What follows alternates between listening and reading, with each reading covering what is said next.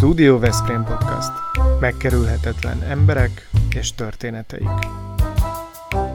Diósi Lászlóval és Weber Lászlóval.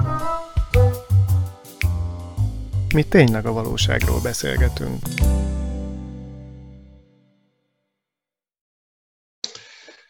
A Studio Veszprém Podcast mai beszélgető partnere dr. Praznovski Mihály aki irodalomtörténész, múzeológus, az irodalomtudományok kandidátusa, szóval egy nagyon tudományos ember, és a tudományos emberekről azt gondoljuk, hogy olyan magukba fordulók, meg a nyilvánosságtól egy kicsit elzárkozók, meg tudományoskodnak, de hát ismerem Mihályt ezer éve, ő nem ilyen. Sőt, mi több néha idegesítően képes képes szarkasztikus humorral traktálni az embertársait, mindenkire van valamilyen sajátos megjegyzése, és hát a stílusa meglehetősen különleges. Úgyhogy Mihály, nagyon izgulok, hogy ez a mai beszélgetés ez hogy fog kinézni. Te itt végig velünk viccelődni fogsz, megjegyzéseket teszel, milyen, hogy, hogy áll a dolog, hogy állsz ma ezzel a humorvilággal? Hát én, én soha nem voltam ilyen, ez tévedés, valaki más van fölírva neked oda a papírra.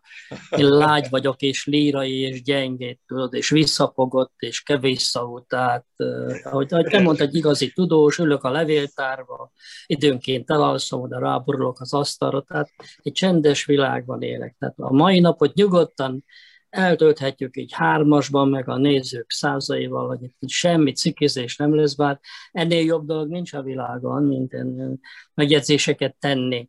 Na most ezzel mindig az a baj, többször, többen is mondták már, hogy, hogy nem tudják, hogy ez most komoly, vagy nem komoly, olyan, mint a viccben ugye valakit pofon vajnak, hogy a vicc volt, hogy komoly, azt mondja, ez komoly, a viccnak erős lett volna. Tehát én is így vagyok ezzel, hogy néha nem tudom pontosan, hogy hogy mi lesz a hatása a megjegyzésemnek, de nem bírom megállni, nem bírom megállni, hogy ne tegyek egy szurkapiszkát, és ez így van gyerekkorom óta. És te ezt valakitől örökölted a családban, vagy ez a sajátos tulajdonságod a családodon belül? Mert gondolom, akkor ez ott is megy, családon belül is.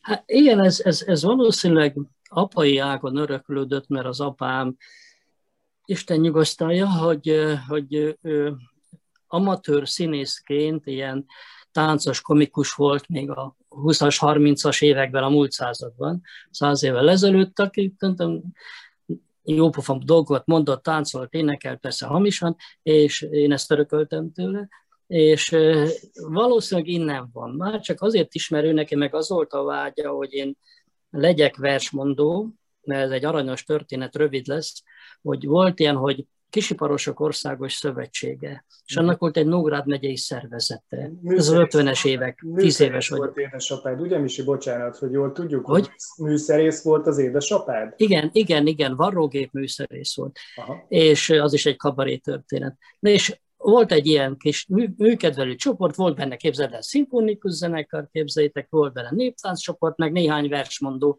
És apám engem tanított meg verset mondani, rettenetes küzdelem árán, hát sírtam, bömböltem, amíg belém verte, majdnem, hogy szó szerint, szerintem lehet, hogy igaz is belém verte ezt a verset, Petőfének a Szeged Szeggel című versét. Ezzel debutáltam, ugye, mi kell, tudjuk, Hollywood recept, mi kell a siker, ez egy kutya, meg egy gyerek. Hát kutya nem volt, gyereknek én voltam, és innentől kezdve megmaradt bennem ez a humor, és aztán én is voltam amatőr színjátszó, diák színjátszó, és mindig érdekes módon a Hamlet elkerült. Mindig kabarék voltak, mindig Karinti Frigyest mondtam, de, de egyszer se tudtam elmondani, a Macbeth nagy jelenetét, amikor Ophélia megfojtja őt a vízben. De hát mindegy, ez, ez így bennem van, és valamennyire öröklődtem, mert mint a azt hiszem talán inkább a nagyfiam Bence, ő az, aki ugyanígy kétségbe a, a munkatársakat, vagy a megrendelőket, akik hozzá mennek a nyomdába, ezzel a stílussal, tehát szokták is neki mondani, hogy olyan vagy, mint apád, ilyenkor elgondolkozik, hogy ki lehet az. De, de gyakorlatilag az így öröklődik. De és olyan nem volt még, hogy valaki azért megsértődött volna, mert te jó szándékkal mondod ezeket, és jó pofa is, és dől a közönség, de azért esetenként, ha valaki ezt komolyan veszi, akkor az, az kemény lehet. Hát biztos, hogy volt, aki megsértődött, de hát akkor el is értem a célomat természetesen mert valakit másképp nem tudok előzni a környezetemből, csak ilyen megjegyzése. Persze, voltak, akik megsértődtek, voltak, akiknek magyarázkodnom kellett, hogy nem így gondoltam. Szerencsére te, Laci, te nem vagy ilyen, te eleve nem is értetted meg, amiket mondtam, tehát ilyen szempontból semmi gond nem volt a kettőnk baráti viszonyban. Ez, ez, nagyon, ez nagyon kedves Misi, volt. De akkor, akkor most mondd el, hogy ki az, aki fölnőtt ahhoz, hogy megértse és meg is sértődjön tőled. Konkrétan volt, föl tudsz idézni valakit, mondjuk a kisvárosunkból? Ja, a, a kisvárosunkból? Már nem tudom én, már hagyjatok békén, nem tudom, nem tudom, hogy Aha. én már annyira kiszálltam ebből a kisvárosból, hogy lassan elfelejtek minden embert, tudod? Szerintem volt rá eset, hogy az asztalos pistát megsértettem egyszer-kétszer, Aha. mert egyfajta kis rivalizálás is volt köztünk, illetve hát irigykedtem, hogy a sikeres költő, meg drámaíró, én meg nem írok semmit alapvetően, de szerintem nem, nem volt veszélyes. Most is jó barátok vagyunk, bár már nagyon régen láttam, valószínűleg ezért vagyunk jó barátok, hogy ritkán találkozunk, de, de azt hiszem őt igen megbántottam. Visszavonom Pista ezúttal ünnepélyesen. Na, nekem egy sokkoló élményem volt, mikor a 77 történet Dióhéjban című világhírű uh-huh. bestselleremet mutattuk be a betekincsbe, uh-huh. és hát utána érdeklődtem, hogy na, hogy éreztétek magatokat, mármint akiket meghívtunk, és mondták, hogy hát fantasztikus volt. Ez a Misi akkorát alakított, olyan emlékezetes volt ez a produkció, és én meg azt reméltem, hogy az én könyvemről fog valaki beszélni, vagy azt mondja, hogy az milyen, uh-huh. uh, uh, milyen jó volt. Szóval Na, nekem fájt azért egy kicsit, hogy ez így történt, de azért emlékezetes esemény volt. Na, hát akkor jó, jó sikerült akkor, igen. igen. Jó sikerült. Most én azt szeretném megkérdezni tőled, hogy mivel te a Palóc földről származol, Salgótarjánban születtél, igen. és a te tudományos munkásságod alapvetően Mixát Kálmánhoz kapcsolódik, mint ezt uh-huh. mindenki tudja, aki uh-huh. ismer téged. Uh-huh aki a Palóc-földnek a költője, a Nagy Palóc. Te tudsz-e Palóc nyelven, Palóc tájszólással beszélni? Ez a, ez a kérdés összetett, mert a válaszom az, hogy nem tudok. Az összetett válasz első része pedig arról szólt, tudod, hogy, hogy valószínűleg, hogy az én stílusom, egyéniségem, habitusom mögött maga mixát áll. Én 13-14 éves koromban nyertem meg az első irodalmi pályázatomat az iskolában, és az első díj egy kétkötetes mixát könyv volt. Ennek most már mondjuk 60 éve, azért kimondani is rémisztő, és innentől kezdve mixát vezérelt, mixát olvasmányok vezéreltek, voltak fellángolások, amikor egy madács elnyomt egy ideig, aztán vagy egy krúdi elnyomt egy ideig, tudod, de alapvetően mixát határoztam meg az életemet. Na, nagyon sokan csodálkoznak, hogy nem tudok palócul, hiába is próbálnék meg, az nem az igazi. Bár tudod, tudjátok, néha, hogyha visszahallgatom magam egy, egy rádióműsorban, egy riportban, bizony Isten úgy érzem, hogy ez palócos. De az az igazi palócos, az, az, az, az nincs meg. Nemrég megnyitottunk az új mixát kiállítás Klabonyán, Nógrád megyében, ez Balasagyarmatól 10 kilométerre van, egyébként csak nektek mondom, itt született mixát, de hát nem kell nektek sem mindent tudni. Lényeg az, hogy... Itt álljunk meg egy pillanatra. Ott született Mixát Kálmán. Igen. És azt meg tudod-e mondani, hogy hol van Mixát falva? Hát kérlek szépen egész pontosan meg tudom mondani, mert ott voltam a kiállítás megnyitóján Mixát falván, ami ami ugye, ez most csalafinta kérdés volt, majdnem megfogtál, csak hát a kiállítás erről szólt egy részben, hogy miért nevezték el annak idején Szklabonyát Mixát falvának. De még csalafintába válaszom. Na miért? De miért? miért? Azért, mert akkor már nem is, mix, nem is Szklabonya volt a neve, hanem 1906-ban egy erőszakos, nagyon erőszakos magyarosítási hullám idején a falut elnevezték Kürtabonynak és amikor 1910-ben Mixátnak ünnepelt az egész ország, 40 éve jelent meg az első irodalmi alkotása, A község kérésére, egy farázta kérésére nem is tudtak írni, olvasni a helybeliek, ugye zömében már akkor szlovákok voltak, elnevezte a magyar kormányzat Mixát falvának, ami kitartott 18-ig természetesen, de egyedülálló volt, Mixát rendkívül boldog volt emiatt, aztán most újra Sklabonya, szlovákul Sklabina a neve, tényleg közel van, és ott készítettünk egy új állandó kiállítást, egy hete nyitottuk meg.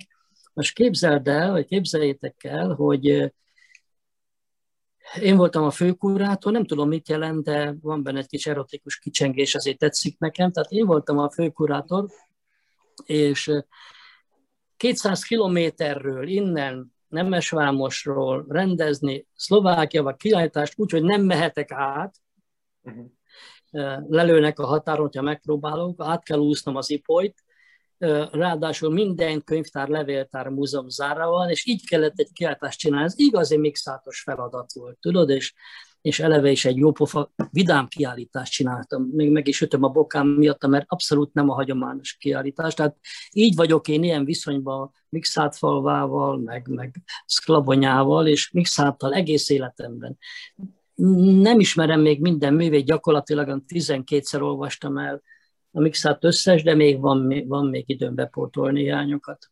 De még eh, föltehetek a professzor úrnak két olyan kérdést, amivel lehetne most téged vizsgáztatni, hogy valósabban a Mixát Kálmánt igen. Teljes, teljesen ismered, de mindent tudsz róla.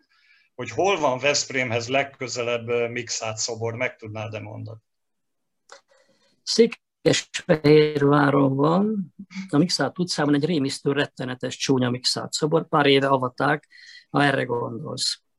Erre gondolok, igen, ez most már kettőből kettő, igen. most jön a harmadik, hogy Mixátnak melyik műve volt Theodore Roosevelt amerikai elnöknek a kedvenc könyve?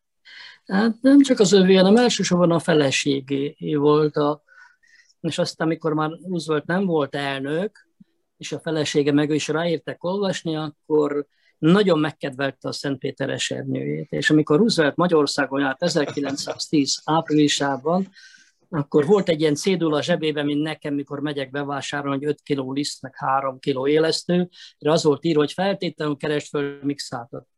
Roosevelt meglátogatta Mixátot, jól elbeszélgettek, Mixát meg elkezdett politizálni, Ferenc Józsefről mondott valamit, mire az Amerikán volt elnök rémülten mondja, hogy ne, itt álljuk meg, itt álljuk meg, ezt, ezt nem akarom hallani. De tehát ez megvolt, ez a látogatás. Ezen az új kiáltáson egy külön felületet kap a Szent Péter esernyője.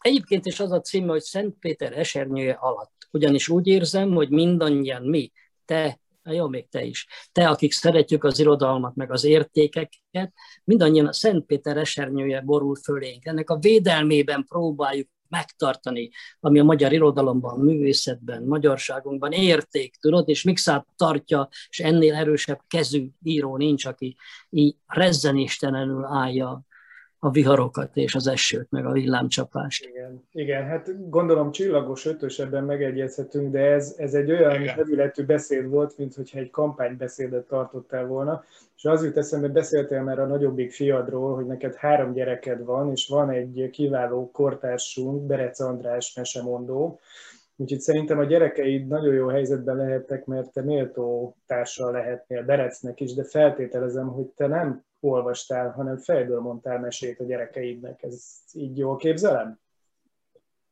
Én? Aha. De, hogy mondtam mesét, odaültettem őket a tévé elő, aztán mondtam, nézzétek, ami kijön belőle, csak nekem ne zavarjatok az íróasztalnál. Nekem volt ilyen szokásom, tudod, hogy hát a fejből nem mesét mondtam, a fejből kitaláltam a történeteket. E, ez az íróság lényege. Bár néha úgy éreztem, hogy veszélyes állapotban vagyok, tudod, aki nagyon közel kerül az írókhoz, azt hiszi magára, hogy ő is író lesz, tudod? Tehát, és nem lesz? Nem, és nem lesz? Nem, nem, nem, szerencsére nem. Így ismertem sok embert, tudod, aki, aki, aki témfergett az írók között, vagy egy, vagy, vagy a Mixát családjában is. Ugye a felesége elkezdett írni, a sógornője elkezdett írni, az egyik fia írt, a másik fia politikus lesz, politikai cikkeket, itt veszélyes dolog írónak lenni.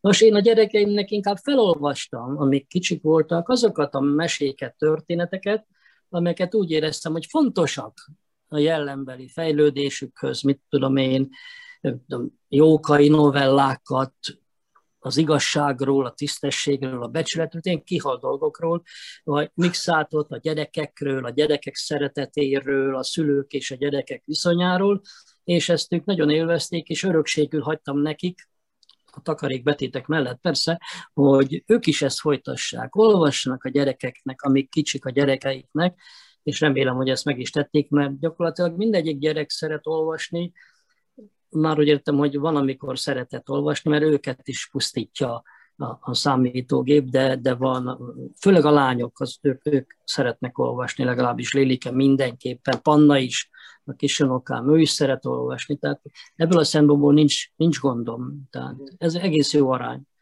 Nagyon irigyellek, mert nagyon, nagyon nagy probléma, hogy nem olvasnak a gyerekek, pedig a Gutenberg galaxis az él még, bármennyire is próbálják cáfolni ezt a médiumok, amelyek itt körülvesznek bennünket. De tudsz tanácsot adni egyébként, hogy hogyan lehet megszerettetni a gyerekekkel az olvasást? Mert ez egy nagyon fontos dolog lenne. Igen, a Gutenberg galaxist már többször felrobbantották, hogy atomjaira hullott. Valójában soha ennyi könyv még nem jelent meg, mint most, de katasztrofális könyvek. Éppen nézegettem egy bevásárló központban a könyvkínálatot, gyakorlatilag, ha rám bíznák, 5 perc alatt az összeset kihordanám a szemétre, és eltüntetném. Mindenki regényt akar írni. Eddig ugye mindenki szakácskönyvet írt, ugye volt egy ilyen divat, most mindenki regényt ír, és mindenki öt kötetet ír egyszerre, mert a kiadónak ez az érdeke, és soha nem hallott nevek, soha nem hallott reklámok. Na most, amikor én a gyerekekkel beszélek, akkor két dolog valamit el szoktam neki mondani. Az első a bátorítás, hogyha mondjuk iskolások beszélünk, mindig az, hogy gyerekek, olvassátok el, ez vékony könyv. Ettől megnyugszanak, tudod? Tehát a gyerek nem bírja a vastag könyvet elviselni. A második pedig az, hogy én radikálisan szakítanék a, a kötelező irodalmakkal. Az mégis csak abszurdum, fiúk, hogy ugyanazt a mixát novellát, a Bede Anna tartozását olvastatták velem 60 évvel, mint velük most. Hát már megbocsásson a világ. Mennyi, annyi minden van, ami mixátnál izgalmas, 21. századi, nagyon kemény, vagy éppen nagyon szórakoztató novella, amit kellene Ilyen szempontból, persze ez egy vita, ilyen szempontból például én azt mondanám, hogy én még az ember tragédiát sem adnám oda a gimnazistáknak, sokkal nagyobb, sokkal mélyebb, sokkal drámaibb, és sokkal más a nyelvet. Az egy régi nyelv, amin íródott.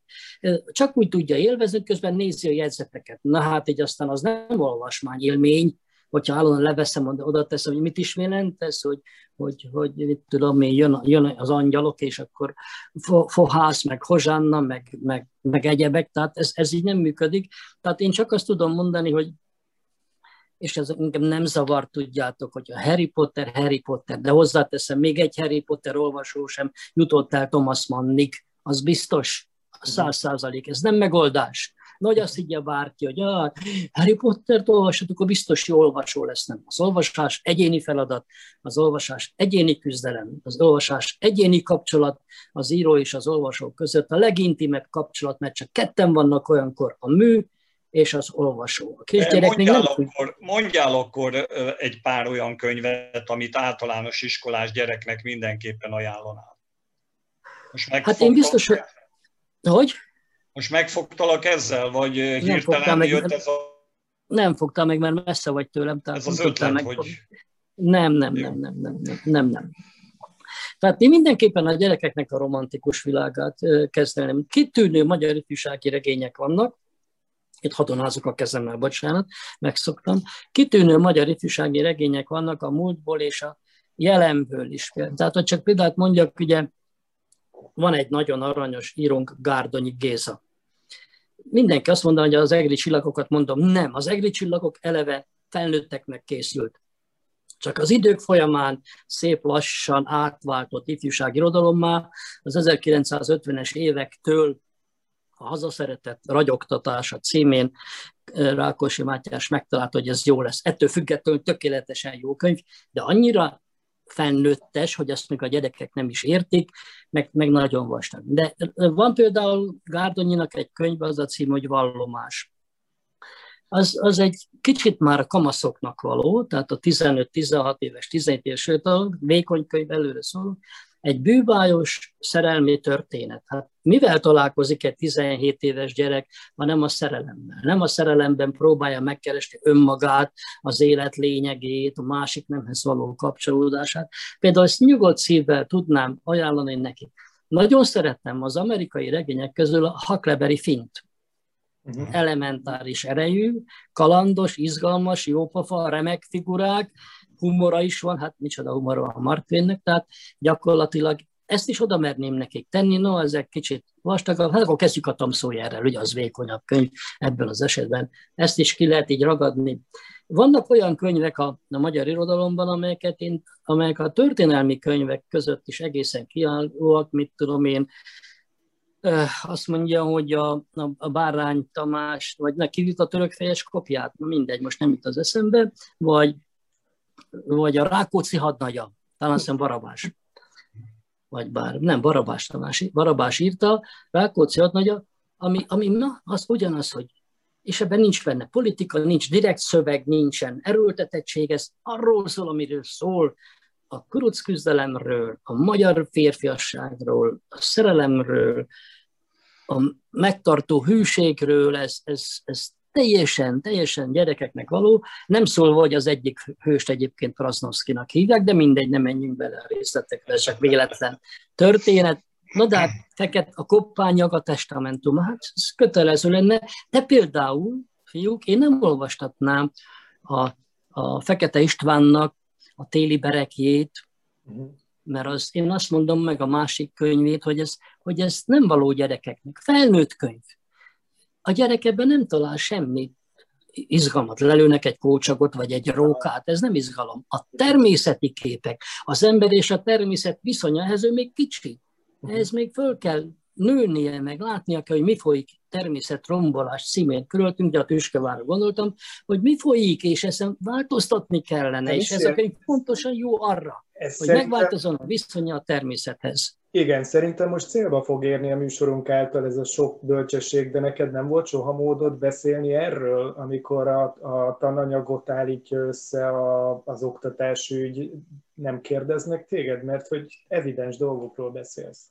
Hát Mihály, Mihály, te a Petőfi Irodalmi Múzeumnak voltál hosszú ideig a fő, főigazgatója, azt mondhatnám, Igen. hogy a, a, az irodalom világában az első között szerepeltél. Volt befolyásod ezekre a dolgokra? Volt lehetőség, hogy véleménynyilvánítsál, vagy hogy működött ez? Nem, nem, nem, nem. Ennek megvan a, megvannak a maguk fórumai, maguk műhelyei.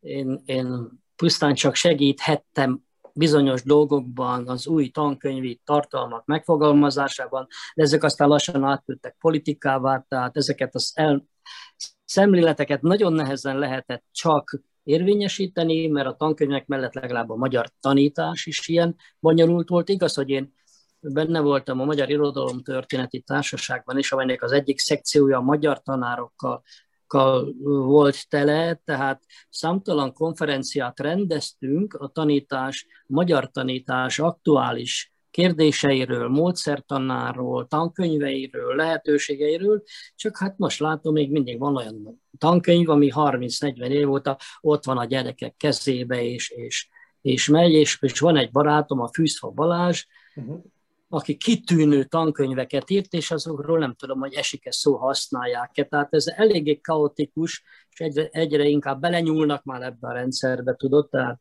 nagyon nehéz eldönteni száz tankönyvből, hogy melyik a jó, száz pedagógus közül melyik a jó, melyik hajlandó lenni. Én egyszer páztam így rá a, a tanításra, igaz, hogy nem magyar tanítottam, hanem történelmet egy évig oradóként itt a Vetési Albert gimnáziumba, és én úgy vettem, hogy hát elsős gimnazistáknak, hogy hát történelem nem arról szól, hogy bemagoljuk a tankönyvet, hanem mit tudom, Egyiptomhoz elértünk, akkor három hónapig Egyiptomról beszéltünk, eljátszottuk, ki volt rabszolga, meg kellett írni, rabszolga voltam Róvában, stb. stb. Év végén eljöttem az iskolából, akkor de hogy még csak a tankönyv felénél tartunk. Na most, mit kaphattam én átvitt értelemben a következő évben a tanárnőtől, aki látta, hogy még a fél első tankönyv ott van előtte, de hát ezt nem lehet megcsinálni, mert hát szorítja a tanárokat a, az előírás, a mindenféle alapprogramok, tantervek, változások, nem lehet szabadon oktatni, ahogy szeretnénk. Tehát én például a gyerekeknek elővennék egy könyvet, az elsőbe vagy a magyarból egy könyvet, és akkor fél évig azzal foglalkoznánk. Persze azt akkor jön a szövőne, és akkor az érettségi, akkor mi lesz? Tehát á, idealista vagyok, naív idealista vagyok, ez így nem működik. Jobban inkább olvasok. Na most a könyvekről beszéltél, meg a kritizáltad Igen. is sok esetben a könyvírókat, de hát te írdatlan mennyiségű könyvet írtál, hogy néztem a Wikipédián, ugye elsősorban Mixáthoz kapcsolódóan, meg Madácshoz. Igen. Van olyan könyved ezek közül, ami különösen kedves, vagy amit, hogyha most fölkeltetted az érdeklődését a hallgatóknak, nézőknek, akik még veled nem találkoztak, és azt mondják, hogy itt van ez a Praznovszki, nagyon érdekesen beszélt, egy jópofa ember, na, akkor megnézzünk már egy könyvet tőle. Mit, mit, mit ajánlanál, mit vegyenek kézbe, ami esetleg még kapható is ráadásul? Na, egyik se kapható, elkapkodták a könyveimet, őrjöngtek. Valóságos, tumultusos jelenetek voltak. Hallottam egyszer valaki ökör, ökölpárbajt is vívott ez egyik könyvem. Tehát igen, sok könyvet írtam, mindig, mindig, mindig. Az ember többet ír, mint kellene, még szerencsére ezek csak kisföldán számba jelennek meg, és nem jutnak el az olvasókhoz. Nagyon szeretem Krúdit nyilvánvaló, és a könyvírással egyenrangúnak tartottam a szerkesztéseket is, tudjátok. Tehát mit tudom én, a prospektus nyomdával, Szentendrei Zolival 25 éven át Érdés mond, 25 éven át adtunk ki minden évben egy krúdi kiskönyvet, olyan krúdi írásokból szerkeszt, amelyek kötődnek ehhez a tájhoz a Dunántúlhoz, vagy Veszprémhez, vagy Balatonfüredhez, vagy Várpalottához, vagy a szőlőhez, a borhoz, és 25 éven át minden évben kiadtunk egyet. Ezek nagyon aranyos, nagyon fontos könyvek, ezek beszerezhetetlenek, azért merem ajánlani. A másik ilyen a Madács élet ami illetve a Madács része, ott mikor volt 2017-ben az Arany János évforduló, két könyvet is kiadtam Madács és Arany kapcsolatáról, hiszen tudjuk mindannyian jól, hogy Madács aranynak vitte az embert Vagedél kéziratát, és tőle tette függővé a választát, hogy elégeti Stregovának andalóba, vagy kiadják. Hát arany közbelépett, egy kis segítséggel helyrehozta a kötetet, nem írt bele, csak javította a, a, a nyelvtani hibákat, a stiláris, stiláris bizonytalanságokat, és megjelent a tragédia. És ezt két könyvben is megírtam, a kettőjük barátságát, illetve hát hogyan született meg a mű, melyek voltak ennek a háttérinformációi. Ezeket nagyon fontosnak tartom, ezek valóban tankönyv kiegészítő, pótló könyvek. Veszprémben is vásárolható egyik másik könyvesboltban, nem akarom megnevezni például, hogy a Líra könyvesboltban, de ott is beszerezhető ez természetesen. Mi a címe? És, és, és volt legutóbb egy aranyos könyvem, a, a, van egy ilyen sorozat, hogy füves könyv Tudjátok, okos emberek okos mondásait szerkesztjük egy könyvbe, lehetőleg klasszikusokat, akiket már nem kell fizetni jogdíjat. De ez most más volt, ezt a Szegedi kiadó azért adja ki. Tavaly csináltam egy füves könyvet Trianonról. Kicsit meglepődtetek, látom az arcotokon.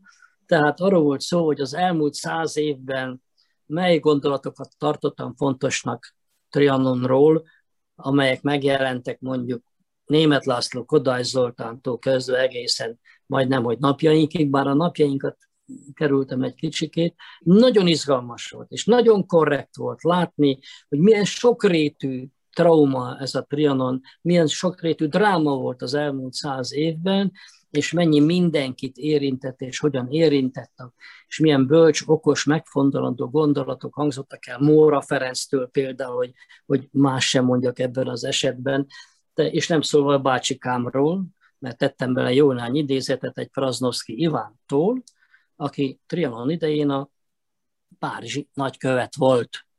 Tehát ö, első ügyvivő, mert éppen nagy, nem volt nagykövet, aztán az lett, és ő is testközelből látta, hogy mi minden történt, mi hangzott el, és mi lesz mindennek a következménye. De ezt Mixát is megírta már jóval Trianon előtt, hogy mi vár ránk, ha ilyenek maradunk.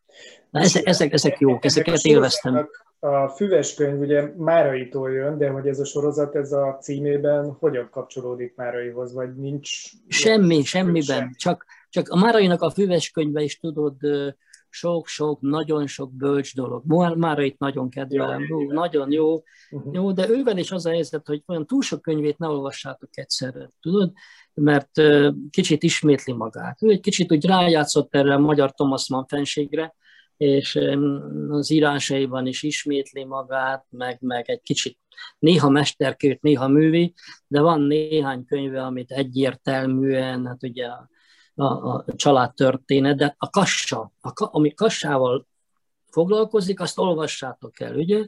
A kassai polgárok az egy olyan dráma, amelyet én föltettem a legjobb magyar három dráma közé, mellé. Most nem mondom meg, hogy kidobtam ki a háromból, de a kassai polgárok ott vannak. Mhm. Zseniális könyv a művész és a hatalom viszonyáról, tudod? És persze egy kis szerelem is bennem. Úgy látom, a szerelem meg izgatott, persze multidő használata inkább helyes most, de, de mit a nős ember vagyok. De hát Márai ebből a szempontból, és a sorozat csak a füves könyvet vettet, vagy az a műfaj, hogy okos, rövid, velős gondolatok valamiről, valamiből. Csináltam én egyet a gasztronómiáról is, meg csináltam egyet a borivásról is, tehát az ember a borivásban is okos, legalábbis az első literig, utána már kevésbé. Oké, okay. nekem egy kihagyhatatlan kérdésem van, Mm, foci EB előtt járunk. Igye, igyekezzél, mert mindjárt lejár. Igen, magas kultúráról beszélünk, de ugye a fotball is nálunk egy nagyon fontos dolog, és e, nem azt a kérdést teszem föl, hogy szereted-e a focit, hanem egy másikat, hogy betennéd a mai válogatottba Szóika Ferencet. Miket tudsz te? Na? A közönség tagjai nem is értem, miről van szó, legyetek szívesen. Ezért mondom, ezért mondom. Palocföld híres szülöttjéről. Ó. az a helyzet, hogy a Szojka Feri akkor volt 27-szeres magyar válogatott, amikor Bozsikék játszottak. És képzeletitek, a 11-be beférni Salgótarjánból egy bányász gyerek futbalistának, hogy micsoda tehetség volt. Szerencsém volt, én láttam őt sokszor fotbalozni, nem mondom, hogy a Szolika egy észlény volt, valószínűleg akadémiai nagydíjat nem kapott volna a felszólalásaival, de ő 40 méterből oda rúgta a labdát, ahová kellett. Tudod? Mondta, hogy Taliga futás, Taliga elindult, ő volt a balszélső, és akkor a labda oda leesett az orra elé. Hihetetlen volt, hihetetlen volt. Én jól ismertem, mert a, a közelebbi rokonságba is kerültünk aztán öregkorában, de és egyszer megtagadtam tőle, hogy velem fotbalizzon. Tudod? Annyira, annyira komoly... Te tudsz focizni? annyira komolyan vettük mi gyerekek a fotbalt, hogy mikor a régi SBTC és TC pályán játszottunk, két csapat ott a salakon küzdöttünk, délre ment a játék, és megjelent a szolk, és azt kérte, hogy hagyjáljon be közénk játszani, és nem engedtük meg. Egyrészt, hogy jön ide egy szolika, ugye, mikor mi küzdünk, másik, másrészt nem is vettük észre, hogy ki az csak egy felnőtt akar ügyetlenkedni, szó sem lehet róla. Jó, hát akkor önbizalomért. Befér, hogy beférne, Istenem, ha beférne, ha itt lenne, de beférne, de mennyire beférne, vagy a Szalai Básti Répás középpályással világhírű csapat lett volna, vagy Bodonöcsi, hogy tudott fejelni, szóval ez még a régi Salgódárjánő futballcsapat. Ezek az emberek eh, ott születtek, bányászfalvakba, kolóniába, saját erőből nőttek fel, hihetetlen tehetségek voltak, és nem kívánkoztak sehova. Itt jól voltak, el voltak, megkapták a pénzüket, mondom, meccsenként 100 forintos prémiumot, és nagyon-nagyon szórakoztatták azt a 15 ezer embert, akik kimentek köztük én is gyerekkoromtól, ma már nem járok labdarúgó, mert nincs szó neked csillog a szemed, amikor Salgótarjáról meg a Palócföldről beszélsz, az életed másik felét meg itt töltötted Veszprémben. Ilyenkor elhomályosul a szemem, igen. Különösen az 1990-től 2006-ig tartó az, időszakban. Az nehéz volt nekem. Polgármester, polgármester tanácsadójaként tevékenykedtél. Én igyekeztem nem megfogadni sok esetben a tanácsokat, mert... Erről van szó, persze. Figyelj, téged elhalmoztak díjakkal, mindenféle szakmai díjakkal, ugye Mixát Kálmán emlékére, Madács díj, akkor Salgótarjánban kaptál önkormányzati próurbét, Veszprémben Gizella díjat, akkor a Lovakkeresztnek a tulajdonosa vagy, mint állami díj. Mm. Téged hogy érint? De most légy szíves, ne, ne ilyen elhárító módon, és ne vicceld mm. el a dolgot, de, de mm. ezek a díjak és elismerések hogyan érintettek téged, vagy mi volt az, ami nagyon kedves neked, vagy amit úgy tartasz, hogy a lelkedhez közel áll? Hát mindenek fölött természetesen a Veszprémi díj, hát hogy ne, persze, ja, most... hiszem, hát mindenek fölött persze. De azzal együtt az nagyon szép és megtisztelő díj volt. Van két díjam, amire, amire a szülőföld okkán is büszke vagyok, és örülök. Az egyik Nógrád megye díszpolgára vagyok. Ez azzal jár, hogy majd ha meghalok, lesz díszsírhelyem a városban, ingyen természetesen, más Salgótarjánban, csak oda vinni, az meg drága lesz. Na mindegy. A másik pedig szintén Nógrádi, két évvel ezelőtt Horpács nevű település díszpolgárává avattad. Ez a Horpács az a falu, ahová Mixát élete végén visszatért, ott élt öt évig még Horpácson, és amely falu a Mixát hagyományok egyik őrzője, a Mixát társaság középpontja, amelynek ugye 20-25 évig elnöke voltam, tehát szinte minden évben 5-6-szor megjelentem ott, és igyekeztem ezt a mixátiságot valahogy elhinteni. Mondjuk a helybélekben nem sikerült, szóval a helybélek nem jöttek a rendezvényünkre. Mi olyanok vagyunk, hogy mi vándorcirkusz vagyunk, mi nem csak a bohócokat vittük, vittük a közönséget is, tudod, tehát magunkkal ilyen esetekre, de Horpács egyrészt szép helyen van, másrészt mixát, lehetne mixát falva is a maga módján, ki is irattuk, elértük, hogy kiírták a település végére a táblára, hogy ez itt Mixát Kálmán faluja, és ez nagyon jó volt. Nos, e, ez, ez jól esett, tudod, szóval az, egész életem mögött Mixátál, a Mixát élmények, a Mixáti programok, a Mixáti kiadványok, és, és, és ez a falu elismer, ezzel ez bizony, bizony nagyon jól esett. De hát kaptam én már Nemes Vámoson is ezüst emlékért, az ottani közösségi munkámé. Nagyon rossz nevelésem van, tudod, ahová megyek, ott mindol dolgozni akarok. Hát ki hallott már ilyet, tudod? Ez semmi jóra nem vezet.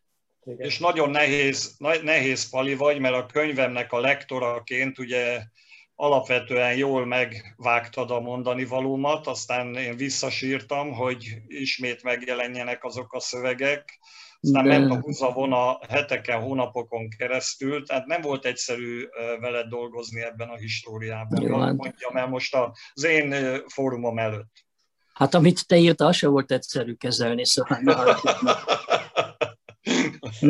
a, nézők látják az ősz helyemet, hát ez akkor alakult ki, amikor a te szövegeddel foglalkoztam. Az még hagyjál a szövegeddel, de veled megvitatni ezeket, megbeszélni, na az volt a dráma, tudod? Egyrészt nem értetted, hogy mit mondok, utána meg nem akartad megcsinálni, mit mondok. Tehát tökéletes munka volt kiadó, szerkesztő és szerző között, tehát ez nagyon jól sikerült. Szóval viccelünk, viccelünk, de a te könyved egy nagyon szórakoztató, nagyon jó pofa, vidám történetekkel tel, és én is kedvet kapok majd egyszer, hogy ilyeneket írjak magamról, de hát annyi nem történet, mint egy polgármesterrel vele, mert a polgármester egész élet egy kész cirkusz. Tehát Körülbelül egy percünk van még ebből az adásból, úgyhogy a lehetőség adott Laci neked, mint szerzőtársnak, hogy reagálj erre a nem, én csak, nem is akarok erre reagálni, mert méltóságon alapulva képzem a dolgot. Legalább az volt a tehetséged, nem is persze. De inkább, Misi, azt szeretném megkérdezni, hogy most mivel foglalkozol, illetve lesz az a mhm. kulturális főváros projekt, ott van valamilyen szereped, vagy hogy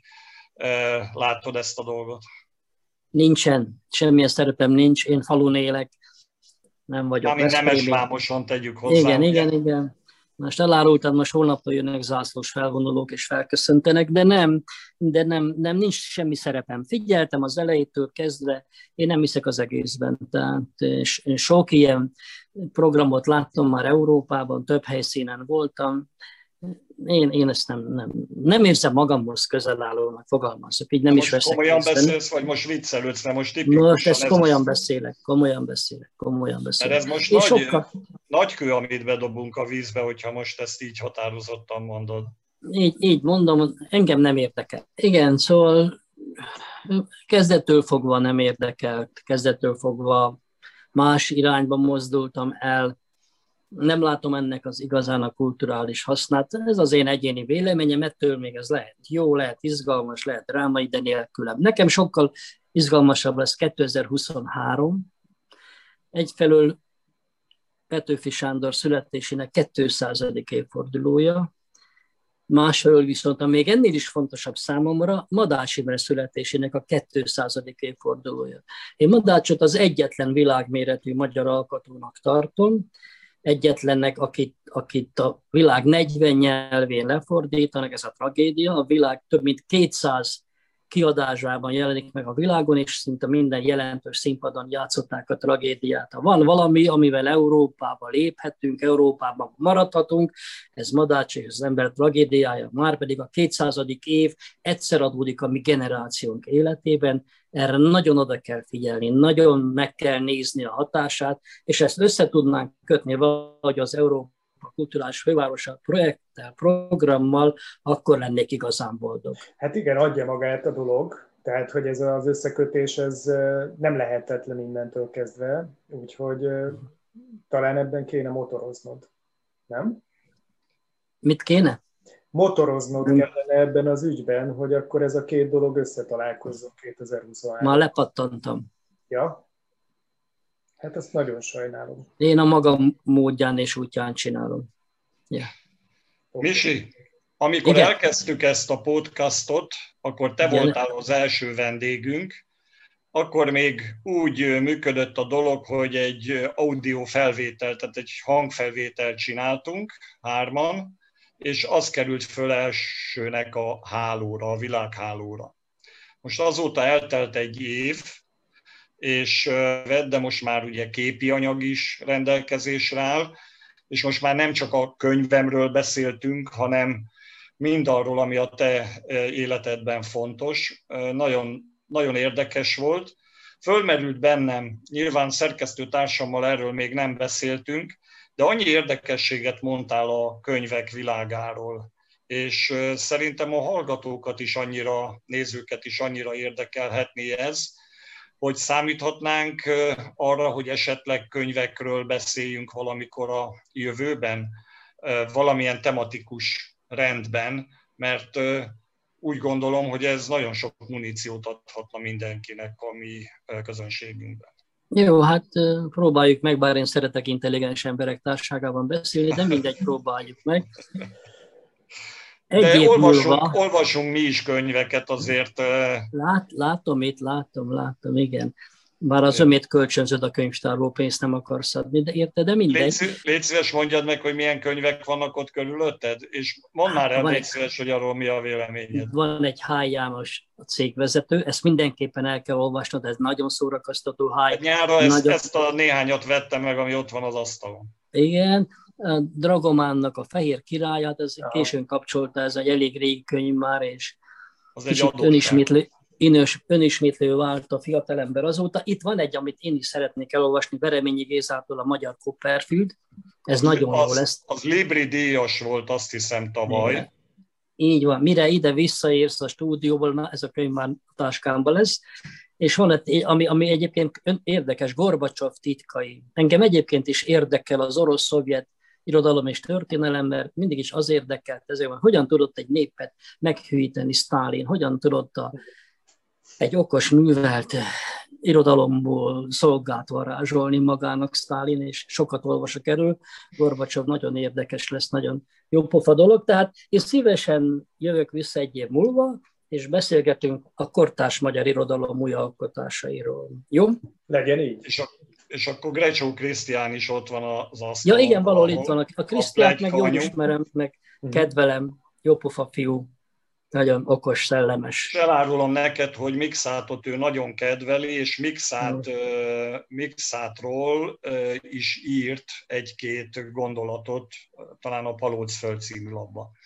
Így no. van, így van, így van, de hát Eszterházi Péter is kedvelte nagyon Visszatott róla is muszáj, beszélhetünk, tehát fiú, van muszáj téma. Fölz, igen, ami... muszáj fölzárkoznom hozzátok, mert olyan magasságokba értetek. Misi, te olvasol verseket? A legutolsó vers, amit én olvastam, az egy lackfé vers volt. Nem tudom, igen. van viszonyod a, napi viszonyod a versekkel? Keresem. Azt hittem, hogy a lackfé, Lasszival nincs viszonyom, nem, nem, nem, nincs viszonyom. bármennyire is próbálsz feszélyezni, nincsen. Hogyne, szeretem a, én mindig szerettem a kiderült az elmúlt egy órából a játékos irodalmat, a szórakoztató, a, a nyelv, ami csodálatos magyar nyelvünkkel játszó irodalmat, verseket, költészetben. Hihetetlen, hihetetlen, mire képes a, a mi nyelvünk. Mondjuk ez ugye speciálisan rejtőjelnő kéne felnőni egy új nemzedéknek, Igen. ha olvasna, de a magyar költészetben a maiban is, hát Laszvi kimondottan, kimondottan élen jár ebben, hogy a, hogy a költészet az szórakoztató, a költészet az élményen túl felvidítja az életedet, és gazdagítja így az életedet. Ez azt hiszem, hogy szép végszó volt. Gazdagította az életünket ez a beszélgetés is, legalábbis nekünk, és remélem, hogy a nézőinknek és hallgatóinknak. Mihály, köszönjük szépen, hogy eljöttél hozzánk. Egy év múlva. Köszönjük. Szia, Misi. Hello, szervusztok. Ez a Studio Veszprém műsora volt. Hallgasson ránk minden pénteken!